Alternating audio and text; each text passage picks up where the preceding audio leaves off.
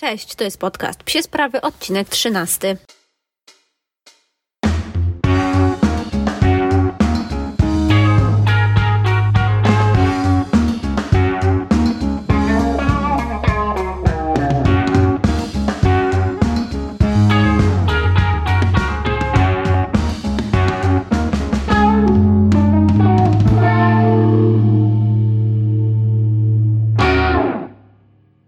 Dawno się nie słyszeliśmy.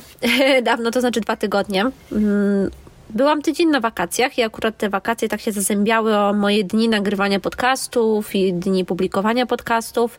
I najpierw miałam taki plan, żeby, e, żeby nagrać e, coś wcześniej, trochę, no trochę jednak na siłę i, i, i opublikować to wtedy dla Was. Natomiast wiedziałam, że po pierwsze nie będę miała czasu odpisywać na komentarze regularnie. Nie będę miała czasu wchodzić z Wami w jakieś dyskusje. Nie będę miała czasu zająć się tym też tak, jakbym chciała. No i ogólnie ten odcinek powstałby jednak trochę na siłę, powstałby w jakimś tam biegu, więc uznałam, że po prostu zrobimy tydzień przerwy. Ja się pourlopuję y, i zobaczymy, jak to wyjdzie, więc dzisiaj nagrywam dla Was odcinek 13, który ukaże się już w tę sobotę. Może się kilkoro z Was zastanawia, gdzie byłam na urlopie i co wtedy się działo z Ozim, y, więc generalnie na urlop wybraliśmy się do Izraela. Y, chcieliśmy lecieć w jakieś miejsce, gdzie jest ciepło, ale gdzie też jest dużo do zobaczenia. No i Izrael taki jest. To nie jest podcast podróżniczy, więc powiem Wam tylko, że na pewno do Izraela, jak do chyba w większości miejsc na świecie warto lecieć, natomiast przygotujcie się, że jest bardzo, bardzo e, drogo. E, no i z psiarskich spraw to e, Tel Awiw jest pełen piesków. Jest tam naprawdę mnóstwo, mnóstwo, mnóstwo psów. Wprawdzie mój mąż wypatrzył tylko jednego harta, e, ale jest naprawdę mnóstwo piesków i co jest ciekawe, to nie spotkaliśmy prawie żadnego małego pieska. E, wszystkie pieski są średnie albo duże, e, ale naprawdę jest ich bardzo, bardzo dużo. Praktycznie co chwilę się mija jakiegoś psa, dużo osób ma dwa pieski i powiem Wam, że to jest taka pierwsza stolica europejska, w której jestem, w której jest aż tyle psów. Bo zwykle w tych stolicach, w dużych miastach się ich widzi dużo mniej, a tutaj było ich naprawdę, naprawdę sporo. A co się działo z Ozim? I to też jest taki ciekawy temat, jakby co zrobić z pieskiem, jak wyjeżdżamy. I myślę, że ja o tym też zrobię dla Was jakiś odcinek, ale powiem Wam, co robię ja. E, więc e, Ozzy pojechał do moich rodziców, a wcześniej do mojej siostry. Moja siostra mieszka w Warszawie i też ma pieska, suczkę, o czym Wam już mówiłam. E, no i one się super dogadują Ozzy z Roxy, czyli z suczką mojej siostry. Więc na trzy dni Ozzy pojechał do nich. Potem w weekend przyjechali moi rodzice i zabrali go ze sobą y, do nich y, do domu, y, gdzie Ozzy to ma już totalny bailando, to są jego wakacje, ferie u dziadków i on się ma tam fantastycznie, to jest po prostu jego jedno z ulubionych miejsc na ziemi. Ja czasem sobie myślę, słuchajcie, że jemu jest tam lepiej niż w domu. W sensie ja wiem, że jemu jest najlepiej z nami i lubi ze mną pracować, najlepiej mu jest jak ze mną spędza czas, bla bla bla. No ale kurczę, tam mu jest naprawdę bardzo, bardzo fajnie i świetnie tam się czuje, więc wiem, że jest na wakacjach. Yy, dzisiaj jest czwartek i jutro po niego jedziemy, yy, więc no już trochę się nie mogę doczekać, bo stęskniłam się yy, trochę za moim y, pieseczkiem. Chociaż no wiem, że jest w świetnych rękach i się świetnie bawi, ma super Friday, fan i moja mama mi y, cały czas wysyła foty, jak y, po prostu zmęczony, jak nie wiem, gdzieś tam się rozkłada po wszystkich łóżkach i kanapach, więc ja wiem naprawdę, że oni się o niego troszczą i najlepiej jak potrafią, że jest mu tam wspaniale, no ale tęsknię za nim, więc już nie mogę się doczekać, yy, aż go zobaczę. No i taki to jest ten tydzień, e, e, bez psa totalnie, bo, bo pies jest na wyjeździe, ja byłam na wyjeździe. E, mam nadzieję, że stęskniliście się za psimi sprawami. Ja mam po wyjeździe sporo przemyśleń co do podcastu i mam też sporo jakichś tam planów nowych. Myślę, że opowiem Wam o tym w przyszłym tygodniu, jak trochę to bardziej sobie zbiorę, usystematyzuję, no i pokażę Wam, jak będą wyglądały kolejne odcinki a dzisiaj zapraszam na odcinek 13. W dzisiejszym odcinku chciałabym, żebyśmy pogadali sobie trochę e, o tym, że e, nie każdy sport jest dla każdego i nie każdy sport jest dla każdego psa. Znaczy, to jest wniosek. Chciałabym, żebyśmy porozmawiali o tym, jaki typ charakteru człowieka i trochę też jaki typ charakteru psa i tego, co my z psem robimy na co dzień, e, predysponuje nas do jakiego sportu. Opowiem Wam trochę o psich sportach. W ogóle to całkiem długo researchowałam to, bo pomyślałam, kurczę, a nóż odkryto jakiś e, nowy, fajny sport e, i, e, i gdzieś tutaj o nim nie wspomnimy, a jest to ważne, więc tu jest kilka jakichś tam nowości, takich być może, o których jeszcze nie słyszeliście. Natomiast jeśli jakiegoś, jakiejś kategorii sportu nie ma tutaj na liście, to koniecznie dajcie znać, bo sama jestem ich bardzo ciekawa. Więc najpierw chciałabym Wam pokrótce opowiedzieć o tych sportach, na czym one polegają. Bardzo króciutko, bo myślę, że w większości będziecie je dobrze znali, czasem może jakieś różnice będą dla Was nowością. A potem opowiem Wam o jakby trzech typach, o tym, jak dzielę te sporty na trzy rodzaje aktywności, powiedzmy tak, i jaka, jakie osoby i jakie pieski nadają się do każdej z tych aktywności. Zacznijmy więc może od agility. Mm, agility to jest taka dyscyplina, w której piesek pokonuje tor przeszkód i na tym torze są różne przeszkody. Są tyczki, wokół których trzeba przebiec, może między którymi, przepraszam, agilitowcy pewnie by mnie tutaj skazali na rychłą śmierć. Są hopki, są takie jakby mm, przeszkody, na które trzeba wchodzić i piesek to musi wykonać jak najszybciej. Jest to chyba aktualnie w Polsce najbardziej popularna dyscyplina, jeśli nie frisbee właśnie, ale o tym za chwilkę. Dlaczego? Dlatego, że mamy sporo szkół, mamy sporo trenerów, każdy pies może to robić praktycznie, każdy pies sprawny fizycznie. Oprócz tego y, też generalnie te sprzęty na sam początek, takie podstawowe, nie są bardzo drogie i taki zestaw początkujący y, można gdzieś tam kupić dosyć tanio i zacząć z pieskiem to trenować. No i oczywiście jest to sport, który trenujesz sam z psem i jego tych wszystkich jakby y, czynności, które wchodzą w skład y, jakby pokonania toru, y, też nie jest tak trudno psa ogólnie pojętnego nauczyć. Nie jest to aż takie bardzo, bardzo trudne. Kolejną dyscypliną, o której chciałabym powiedzieć jest frisbee e, i frisbee e, jest to dyscyplina, w której rzucamy specjalne, specjalne, bo pamiętajcie, że są frisbee ludzkie i frisbee psie i one się bardzo od siebie różnią. Dla pieskowi rzucamy tylko frisbee psie, e, no i chcemy, żeby je złapał. I jeśli chodzi o frisbee, to mamy różne rodzaje konkurencji. Mamy konkurencje czasowe, w których musimy spełnić jakąś normę czasową, albo zrobić, albo piesek musi złapać dysk w określonym miejscu w jak najkrótszym czasie i do nas z nim wrócić. Więc tutaj najważniejszy jest ten czas, szybkość psa, szybki powrót z dyskiem i tak dalej. Mamy konkurencje dystansowe, czyli takie, w których liczy się najdłuższy złapany rzut nasz i tutaj czas zwykle gra mniejszą rolę. Mamy konkurencje freestyle'owe, czyli takich, które liczy się spektakularny efekt uzyskanych przez pieska figur, liczy się też show czyli to, e, jak powiedzmy muzyka, którą wybieramy, zgrywa się z figurami, które pokazujemy, z tym, co robi pies i tak dalej. E, oczywiście są też jakieś tam konkurencje mieszane, czasowo-dystansowe.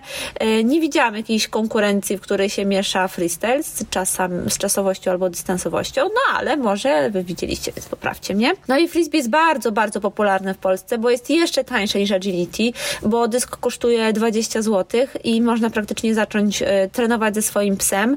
Mamy mnóstwo mnóstwo trenerów. Y, w moich odcinkach wypowiadały się dwie super trenerki frisbee, y, Ania Pająk i Paula Gumińska, y, które prowadzą grupy i które uczą je jakby frisbee. No i mamy tutaj dużo sukcesów na arenie międzynarodowej, bo mamy mistrzów Europy wielokrotnych, dziewczyny z Polski wyjeżdżają na najważniejsze zawody do Stanów, więc ta dyscyplina też z pewnością zyskuje na popularności tym, że jesteśmy w niej dobrzy, więc trochę tak jak z siatkówką w Polsce, prawda? Są świetni w siatkówkę, więc siatkówka jest bardzo popularna. Ok, następna konkurencja, e, o której chcę powiedzieć, to jest obedience. I obedience to jest taka konkurencja, taki sport, w którym pies ma w określonej sekwencji wykonywać sztuczki. E, I od razu tutaj mówiąc o obedience, powiem Wam o Rayleigh O, bo Rayleigh O polega dokładnie na tym samym. Różnica jest taka, że obedience ma bardzo sztywne reguły, ma sztywne zasady. Tutaj ten pies musi być w określonej pozycji, patrzeć w określoną stronę, przybierać określoną pozę. Rayleigh O to jest taka odpowiedź na te sztywne reguły obedience, bo w Rayleigh O te reguły są mniej sztywne e, i jakby zostawiamy psu i przewodnikowi więcej swobody, więcej e, zabawy. może dla tych osób, które się jeszcze nie spotkały z Rayleigh O czy obedience, e, pies musi w nich na przykład chodzić przy nodze, musi przynieść drewnianą zabawkę do właściciela, jakby zaaportować. Jest kilka tam czynności, które musi wykonać i one raczej można je ogólnie opisać rozumieć jako wykonywanie komend z właścicielem. Oprócz tego mamy też takie dwie konkurencje, które polegają na pokonywaniu dystansu z psem, Jedna polega na pokonywaniu dystansu szybko, a druga na, polega na pokonywaniu dystansu wolniej, gdyż mamy dog trekking i canicross. I dog trekking to jest taki marsz z psem ogólnie, tak można powiedzieć, a canicross to jest bieg z psem. E, I e, te zawody doktrykingowe w Polsce są coraz bardziej popularne, no bo tutaj potrzebujecie w zasadzie tylko smyczy i, e, i szelek dla pieska i zapisania się po prostu na dany, dany na przykład dany bieg lub po prostu wyjścia na zewnątrz i chodzenia z nim. E, na przykład, a przy kanikrosie e, to jest po prostu e, gdzieś tam przebiegnięcie jakiegoś dystansu. To taka jest różnica w tych dwóch sportach. Mamy jeszcze sport, który w Polsce zyskuje na popularności, natomiast, natomiast w bardzo specyficznej grupie ras, czyli u hartów i jest to kursing. I jeśli chodzi o kursing, to odsyłam wam, was do jednego z odcinków, gdzie opowiadałam właśnie o, o tym, jak byłam u Jacka Staśkiewicza na takim próbnym biegu kursingowym. E, kursingi e, to są takie, to są wyścigi hartów e, i one polegają na tym, że hart goni wabik, który jest jakby zaczepiony na, na takiej specjalnej lince. Mamy jeszcze wyścigi torowe hartów i wtedy ten bieg odbywa się po prostu na takim torze, który może Wam przypominać tory jak do wyścigów konnych to, to on wygląda podobnie, w sensie jest taki okrągły. Więc to są e, zawody, które są e, skierowane bardzo na harty, to uprawiają na zawodach tylko harty, to jest po prostu do nich skierowana e, typowo aktywność. Pamiętajcie, że to na zawodach też to mówiłam w tym odcinku, to uprawiają tylko rodowodowe harty, czyli takie, które, no, które po prostu posiadają rodowód. Oprócz tego mamy dwie bardzo popularne, coraz bardziej popularne w Polsce może dyscypliny, w których których e, pieski coś tam ciągną. I to jest, e, są psie zaprzęgi i bike joring. I jeśli chodzi o ten bike joring, to na pewno każdemu z Was jest znane, e, znane imię i nazwisko Igora Tracza. To jest e, mega popularny koleś w Polsce teraz, który mm, ma już właściwie taką drużynę i trenuje też osoby, które z nim się bike joringiem zajmują. E, I on, i to, ten bike joring to jest po prostu taki psi zaprzęg z tym, że pieski ciągną rower. No i też tutaj ta praca człowieka na rowerze jest równie ważna jak praca tych psów. W odróżnieniu od psich zaprzęgów, gdzie pieski biegną, a tutaj sobie ktoś siedzi na e, odpowiednich saniach, nartach e, czy czymkolwiek. Bike joring w Polsce jest o tyle popularny, że przykład Igor Tracz e, doczekał się swojego związku sportowego. On się doczekał także, słuchajcie, naprawdę fajnego sponsora, więc ja życzę wszystkim osobom uprawiającym psie sporty, żeby gdzieś tam tak trafiły i tak się rozwijały właśnie jak Igor Tracz. W ogóle sprawdźcie go sobie na Facebooku i polecam Wam taki post e, o przyczepie, w której Igor e, Tracz wozi swoje psy. To jest specjalna przyczepa, którą on zbudował. E, no i dajcie znać, czy przeczytaliście i co o tym myślicie. Ja sobie myślę, że wow, odkładam pieniądze w mojej śwince skarbonce na taką przyczepę dla naszej drużyny playballowej.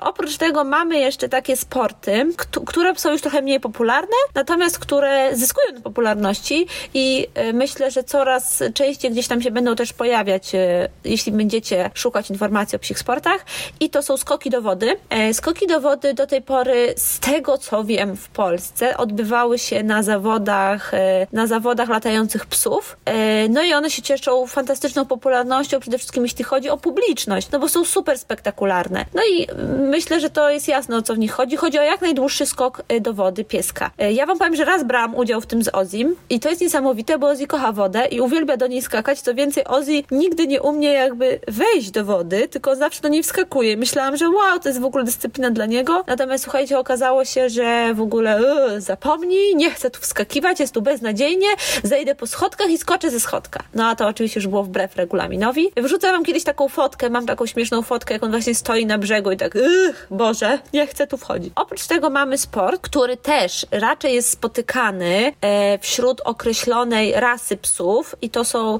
psy ogólnie uznane za obronne, e, chyba to się jakoś tak, jest taki skrót. Chodzi o te wszystkie bulteriery, mastify, nie mastify, amstaffy i tak dalej. I to jest weight pulling. I weight pulling polega na ciągnięciu ciężarów. I to jest, słuchajcie, dosyć spektakularne i co najfajniejsze, na początku mi się wydawało, że te pieski y, trochę to robią, trochę to robią zmuszane przez właścicieli, że to nie jest dla nich nic ciekawego. Natomiast ostatnio gdzieś tam popatrzyłam na filmiki na YouTubie i kurczę, te pieski to naprawdę lubią. Dla nich to jest ekscytujące. I sobie pomyślałam, że no w sumie dla mojego Oziego też odbicie od boksu nie jest najnaturalniejszą czynnością, natomiast wiem, że robi to z przyjemnością. No i też te pieski to widzę, że robią z przyjemnością. Natomiast no to jest um, też bardzo techniczna konkurencja i jej trzeba psa bardzo dobrze nauczyć, żeby robił to bardzo technicznie, bo też znowu widziałam ostatnio na YouTubie, y, przepraszam, na Facebooku jakiś filmik, jak robił to Whippet, no i robił to tragicznie, tragicznie, naprawdę. Okej, okay, mamy jeszcze dwie takie konkurencje, które możemy uznać na pewno za sport. To znaczy jedna wyrasta bardzo na sport yy, i to jest dog fitness, yy, no bo jednak tam pies, yy, tam pies wykonuje ćwiczenia fizyczne, to jest podstawa tego. Natomiast to dla mnie jest trochę na granicy psich sportów, y, no bo jednak y, jak tutaj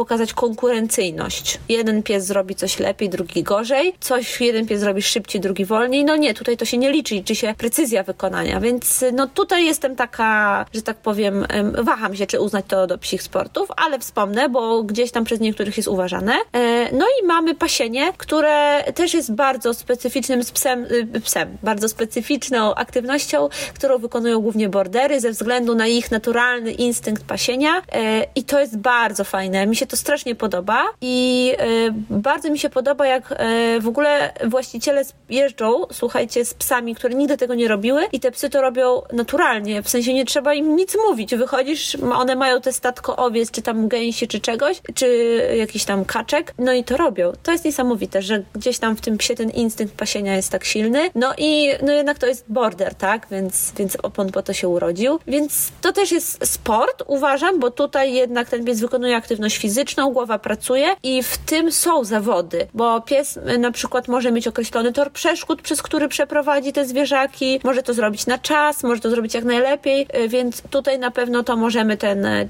aspekt konkurencyjności zaliczyć. Ok, są jeszcze dwie takie konkurencje, które moim zdaniem są już bardzo poza sportami i powiem Wam zaraz dlaczego. I to są obrona i praca węchowa. Ogólnie wszystkie prace węchowe, czyli mówię o, nie wiem, o ratownictwie, mówię o noseworkingu, y, mówię o wszystkich tych mm, czynnościach, gdzie piesek używa nosa, y, no i y, jeśli chodzi o obronę. No i dlaczego to wyłączam? W obronie przecież tej aktywności jest sporo. Po pierwsze, rzeczywiście, tutaj ten czynnik konkurencyjności w ogóle dla mnie nie wchodzi w grę. Pies ma zadanie, które ma wykonać i on je wykonuje niezależnie od jakiegokolwiek innego czynniku i wykonuje je też niezależnie no, od jakiegoś w ogóle tego aspektu konkurencyjności. Oprócz tego ta obrona jest jednak zachowaniem celowym w pracy z człowiekiem, tak? Więc ten pies ma określone zadanie do wykonania, ale ono jest nierozerwalnie związane z tym człowiekiem. Zaś jeśli chodzi o noseworking, to tutaj dla mnie odpada ten aspekt fizyczny. To znaczy, wiecie, nawet otyły pies mógłby być świetnym noseworkingu, prawda? Więc tutaj ta aktywność fizyczna jest e, wyłączona moim zdaniem. E, to są dwie oddzielne dla mnie dyscypliny, które oczywiście fajnie, że ludzie trenują, super, że to robią. Noseworking uważam, że każdy pies powinien robić u siebie w domku na macie węchowej yy, i nie tylko, ale wyłączam to z tych psich aktywności. Ok, no i teraz chciałabym Wam te psie aktywności trochę tak podzielić i opowiedzieć o takich, mi się wydaje, trzech typach osobowości i relacji z psem, które dopasowałabym do tych sportów. Na pewno później zrobię jakąś infografikę na storiski, żebyście sobie to dobrze zobaczyli, a teraz chciałabym powiedzieć, jak to by wyglądało według mnie. Moim zdaniem, jeśli chodzi o tą pracę z psem i relacje z psem, mm, mamy takie trzy dwa typy osobowości, może najpierw dwa. Ja to bardzo dobrze widziałam na naszym naborze, bo przyszły do nas osoby takie i takie. Miałyśmy i odwagę, i gdzieś tam e, też jakby, i byłyśmy, byłyśmy w takiej pozycji, że mogłyśmy powiedzieć, ok, po prostu flyball nie jest dla was. To nie jest dla was sport i będziecie się w nim źle czuli, będziecie niezadowoleni, będziecie się czuli zmuszani do czegoś, a to w ogóle nie o to chodzi w psich sportach. Więc pierwszy typ e, osobowości u człowieka to jest taka osoba bardzo spontaniczna, e, taka dosyć wesoła.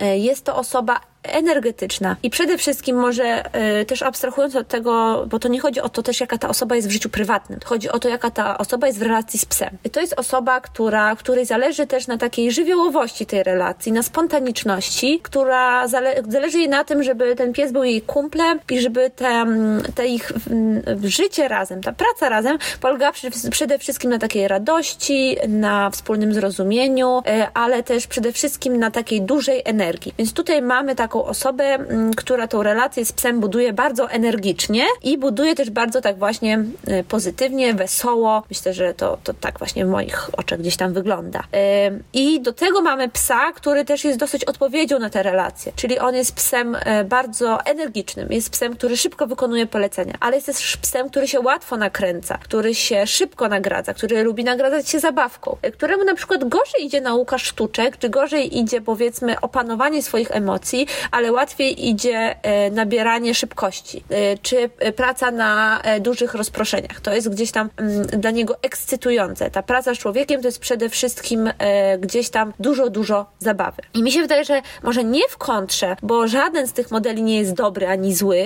Myślę, wyda mi się wydaje, że oba muszą być dopasowane do danej osoby. Mamy takie osoby, dla których relacja z psem oczywiście to też jest spontaniczno, może nie, inaczej, to, to też jest gdzieś tam dużo zrozumienia i szacunku i e, dużo na pewno radości, natomiast to są takie osoby, które nie chcą psa nakręcać, dla których praca z psem e, polega e, w dużej mierze też na tym, żeby ten pies, żeby dobrze się z nim, z nim żyło, żeby ten pies był opanowany, żeby on po prostu pracował w takiej spokojnej atmosferze, żeby wykonywał polecenia swojego właściciela też w odpowiedni sposób. I ja tego w ogóle nie neguję, nie uważam, że to jest złe. To jest po prostu inny typ pracy z psem. I to jest też inny rodzaj człowieka, e, może nie rodzaj człowieka, bo to strasznie źle brzmi, inny typ człowieka. E, myślę, że są osoby, którym łatwiej pracuje się na dużych emocjach, a są osoby, którym łatwiej pracuje się na takim e, spokojniejszym rytmie, na wypracowywaniu szczegółów, detali. I też jest tak, że takie osoby pracują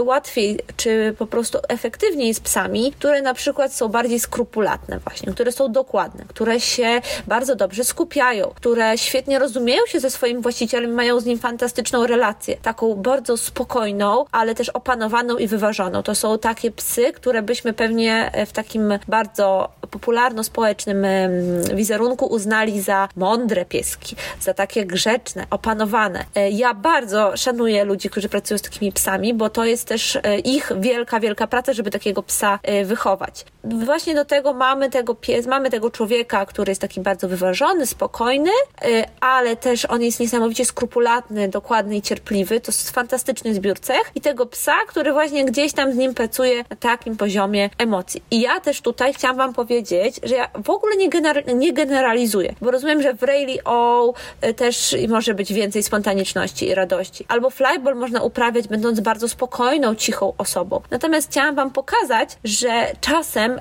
łatwo można znaleźć sobie miejsce w tym psim y, świecie, w psich sportach, jeśli zastanowimy się, jaką my jesteśmy osobą i jakim psem jest nasz pies. I niekoniecznie musimy wrzucać się, nawet jeśli nam się super flyball podoba, ale gdzieś tam zobaczymy go z boku i uznamy, no kurczę, to, to nie są moje emocje, to nie jest mój typ pracy z psem. Więc czasem przemyślenie sobie tego, na jakich my emocjach, na jakich my też e, ogólnie stanach takich, e, wiecie, psychicznych w życiu funkcjonujemy, jak pracujemy i tak dalej, pomoże nam wybrać e, sport dla nas. I moim zdaniem trzeci rodzaj, może znowu ten rodzaj, to, to jakoś nie pasuje mi do człowieka rodzaj, więc trzeci typ człowieka i tej, bardziej tej relacji człowiek-pies, to jest taka relacja, w której pies oczywiście jest naszym kompanem, jest naszym przyjacielem, ale my tutaj nie mamy wypracowanego duży, wielkiego systemu, więc to jest taka, taki typ człowieka, który jest trochę pomiędzy tymi dwoma. I to też jest myślę, że typ takiej osoby, która y, może, ona nie wciągnie się nigdy w jakieś zawodowe uprawianie sportów, y, która traktuje bardziej te sporty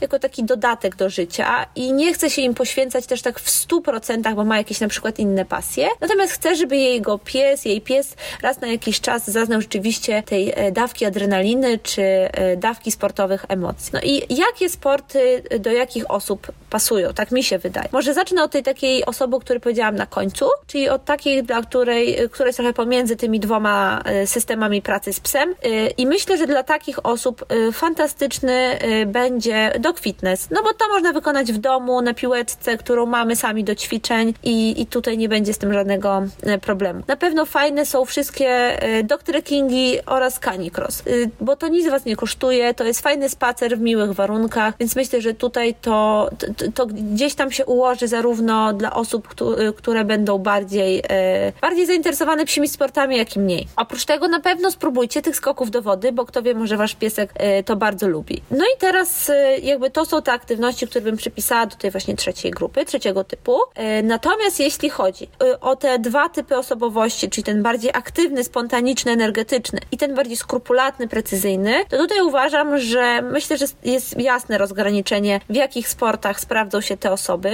E, natomiast ja też sobie teraz pomyślałam, że są osoby, które się potrafią łatwo przestawiać z jednego trybu na drugi, więc to pasuje też do, do różnych dyscyplin sportowych. Ok, więc na pewno osoby takie bardziej energetyczne, które bardziej pracują na wysokich emocjach. One się świetnie sprawdzą w naszym flyballu. E, na pewno sprawdzą się w agility, e, na pewno sprawdzą się we frisbee, e, no i oczywiście sprawdzą się w kursingach, bo tam trochę nie za wiele robią. No i w weight pullingu, bo tam tego pieska trzeba na pewno też w taki bardzo y, energetyczny sposób motywować. Natomiast te osoby, dla których ta precyzyjność, skrupulatność i taka spokojna praca z psem na komendach, takich spokojnych emocjach, one powinny zainteresować się obedience, radio, y, powinny zainteresować się również pasieniem, gdyż tam te emocje powinny być trochę bardziej opanowane i one mogą gdzieś tam, y, powiedzmy, że ten taki wysoki poziom emocji i taka zbyt duża radość i spontaniczność może tak można powiedzieć, mogą gdzieś tam przeszkadzać. Pewnie zastanawiacie się, że tak mówię o tych sportach, o tym, jaki człowiek, do jakiego sportu, jaki pies, do jakiego sportu e, i e, nie powiedziałam wam nic o moim sporcie, czyli o flyballu. I dlatego nie powiedziałam wam nic o flyballu, bo chciałabym, żeby na koniec, e, zostawić to na koniec i żeby na koniec wybrzmiały słowa naszej trener Marty Kowalewskiej, która flyball uprawia od 10 lat, uprawia go z dwoma pieskami,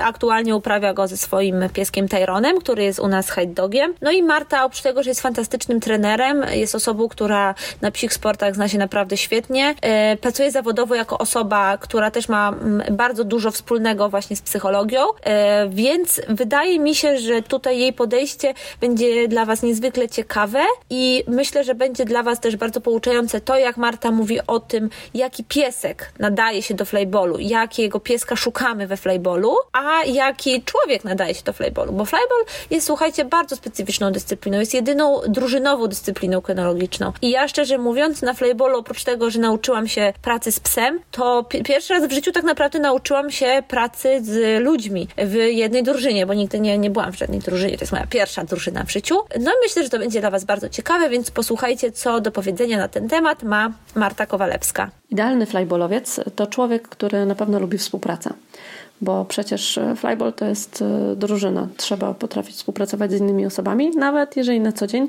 nie do końca pałamy do nich sympatią. Mm, dodatkowo bardzo często na treningach pomagamy sobie, swoim psom. Jest konieczna e, współpraca wielu osób, żeby jakieś zadanie mm, zostało mm, poprawnie wykonane. I bardzo się wspieramy na zawodach, bo przecież nie zawsze się wygrywa, czasami się też przegrywa, albo czasami się przegrywa przez błąd jednej osoby, albo pies nam się skontuzuje i wtedy zawsze się wspieramy, więc na pewno przydają się też osoby, które mają pewną dozę e, empatii, a jednocześnie takie osoby też, które potrafią się e, podporządkować decyzją coacha lub trenera, mm, bo to nie jest sport, kiedy samemu się decyduje o tym, że pies może być przesunięty o 25 cm do przodu czy do tyłu, e, tylko tutaj decyduje za nas zupełnie ktoś inny, więc nie możemy sami wymyślać, co powinniśmy zrobić w danej sytuacji. Mm, na pewno przydają nam się osoby z samozaparciem, bo e, budujemy na przykład kondycję psa zupełnie bardzo często poza treningami, a na treningach dłubiemy mm, takie elementy techniczne potrzebne do poprawnego wykonania zadania flyballowego. Z żyłką sportowca bo wszyscy robimy to po to, żeby potem pokazać się na zawodach i żeby wygrywać, ale też bez parcia na takie indywidualne wyniki, bo nic nie da to, że mój pies może biegać 3,5 sekundy,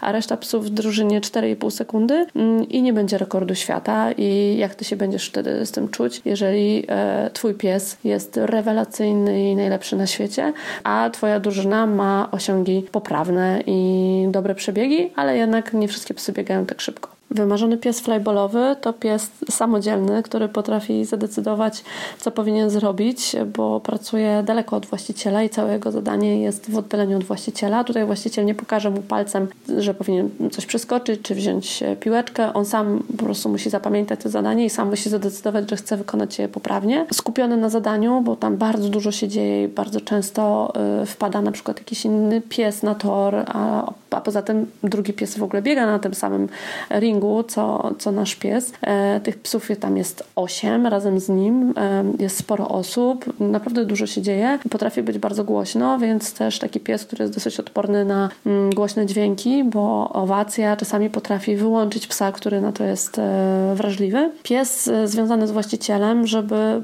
miał turbo szybki dobieg i turbo szybko wracał do e, swojego właściciela, do swojego handlera, ale też pies lubiący rywalizację. Moim ulubionym momentem jest obserwowanie psów, które właśnie uwielbiają rywalizować, po których to naprawdę widać w momencie, kiedy dostają ogromnego przyspieszenia w chwili, kiedy widzą, że mogą przegrać. Spoglądają na drugi tor, na tego psa, widzą, że są za nim i nagle pojawia się jakaś dodatkowa energia i te susy są dużo bardziej energiczne i na końcu nawet y, wygrywają.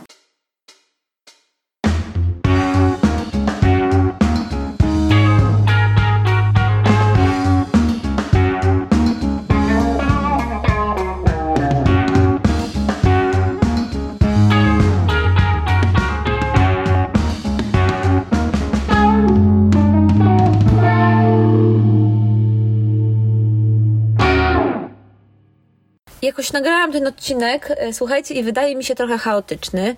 Wydaje mi się jakiś taki trochę zbyt luźny, e, więc dajcie mi proszę znać, czy takie trochę pogadanki dookoła psiej, ludzkiej psychologii są dla Was interesujące. E, ja, dla mnie ten temat od początku wydawał się dosyć ciekawy, bo mało się mówi o tym, że nie każdy sport jest dla każdego, nie każdy, nie wszystko powinniśmy robić naraz i być może czasem nasze predyspozycje odcinają gdzieś od nas od jakichś możliwości i to jest normalne w życiu, tak? I w psich sportach bardzo często ludzie próbują wszystkiego i wrzucają się we wszystkie sporty i chcą znaleźć coś dla siebie e, i spoko, ja to rozumiem, to jest gdzieś tam ciekawe i, i odkrywamy jakieś nowe rzeczy w naszym życiu. Natomiast gdzieś na koniec musimy się zastanowić, czy to, co robimy, jest dopasowane do nas, czy daje nam radość, bo pamiętajcie, że jeśli my będziemy robić coś na siłę, my, to nawet jeśli nasz pies będzie to kochał, to, to nie będzie zdawał egzaminu i to nie będzie dla niego fajne, bo on będzie czuł, że y, coś tu nie gra i że ta sytuacja nie jest idealna. Więc no mam nadzieję, że ten odcinek pomógł Wam, jeśli zastanawiacie się, jaki sport jest dla Was, może jakiegoś sportu chcecie spróbować i, yy,